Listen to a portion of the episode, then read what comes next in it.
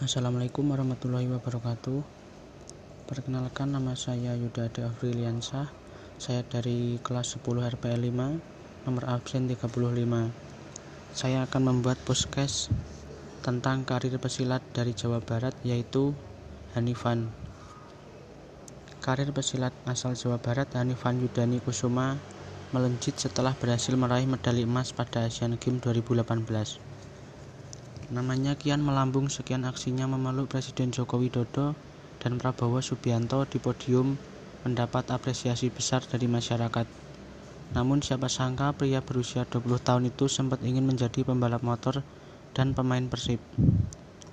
Ketertarikannya pada bidang sepak bola ditularkan sang kakek Ahmad Kosasih yang merupakan mantan kiper Persib era 60-an.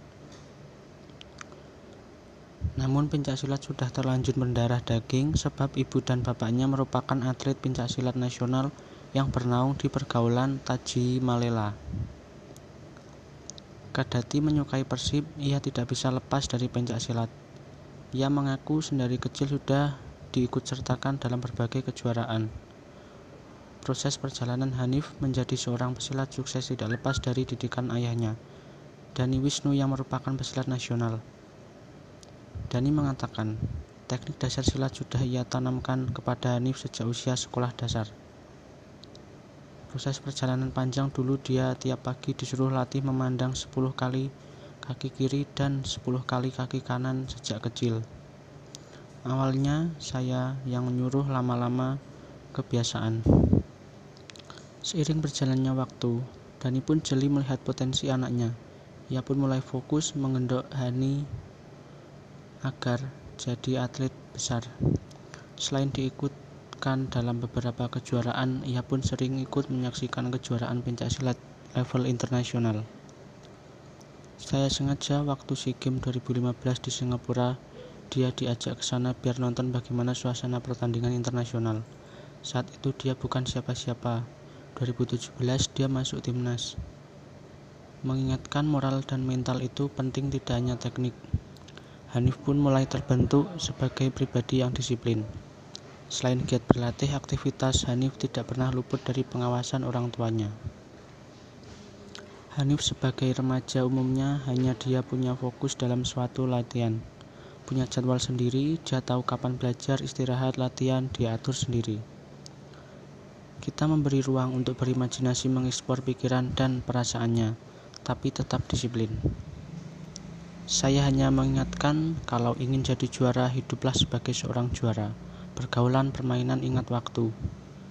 Itu sudah jadi proses yang panjang. Itu yang berat, dukungan orang tua harus full. Dani bercerita, air matanya tidak terbendung saat melihat anaknya di kalungan medali emas. Namun ia mengaku lenih terharu saat melihat anaknya secara spontan meleluk Jokowi dan Prabowo ya otomatis namanya orang tua lihat anaknya beradaptasi sangat bangga. Sesekali tapi lebih terharu lagi ketika dia naik podium.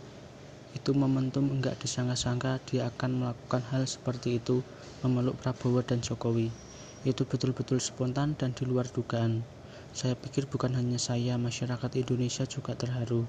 Melihat dia dapat medali emas melihat momentum pelukan itu tambah nangis lagi Dewi Yanti Kosasi, Ibunda Hanif, menyadari anaknya tengah berada di puncak karirnya. Ia pun terus menewati agar anaknya tetap rendah hati serta fokus belajar. Dewi memandang ingin karir Akademi Hanif tetap berjalan meski menjadi seorang atlet. Hanif masih tercatat sebagai mahasiswa di STKIP Cimahi dan Universitas Pasundan Bandung. Jadi pesilat kan harus sinorkan antar pendidikan dengan prestasi karena di pencaksilat banyak yang sekolahnya S2 dan S3. Dewi pun berharap agar Hanif tidak terjun ke dunia entertainment. Menurutnya menjadi atlet sudah cukup untuk menjadi modal kehidupannya. Kalau untuk main film atau keartisannya saya tidak ada ke arah sana. Saya hanya ingin dia menjadi pesilat sejati, berpendidikan yang baik, karena saya rasa dengan pendidikan yang baik sudah bisa dipakai modal untuk kehidupannya.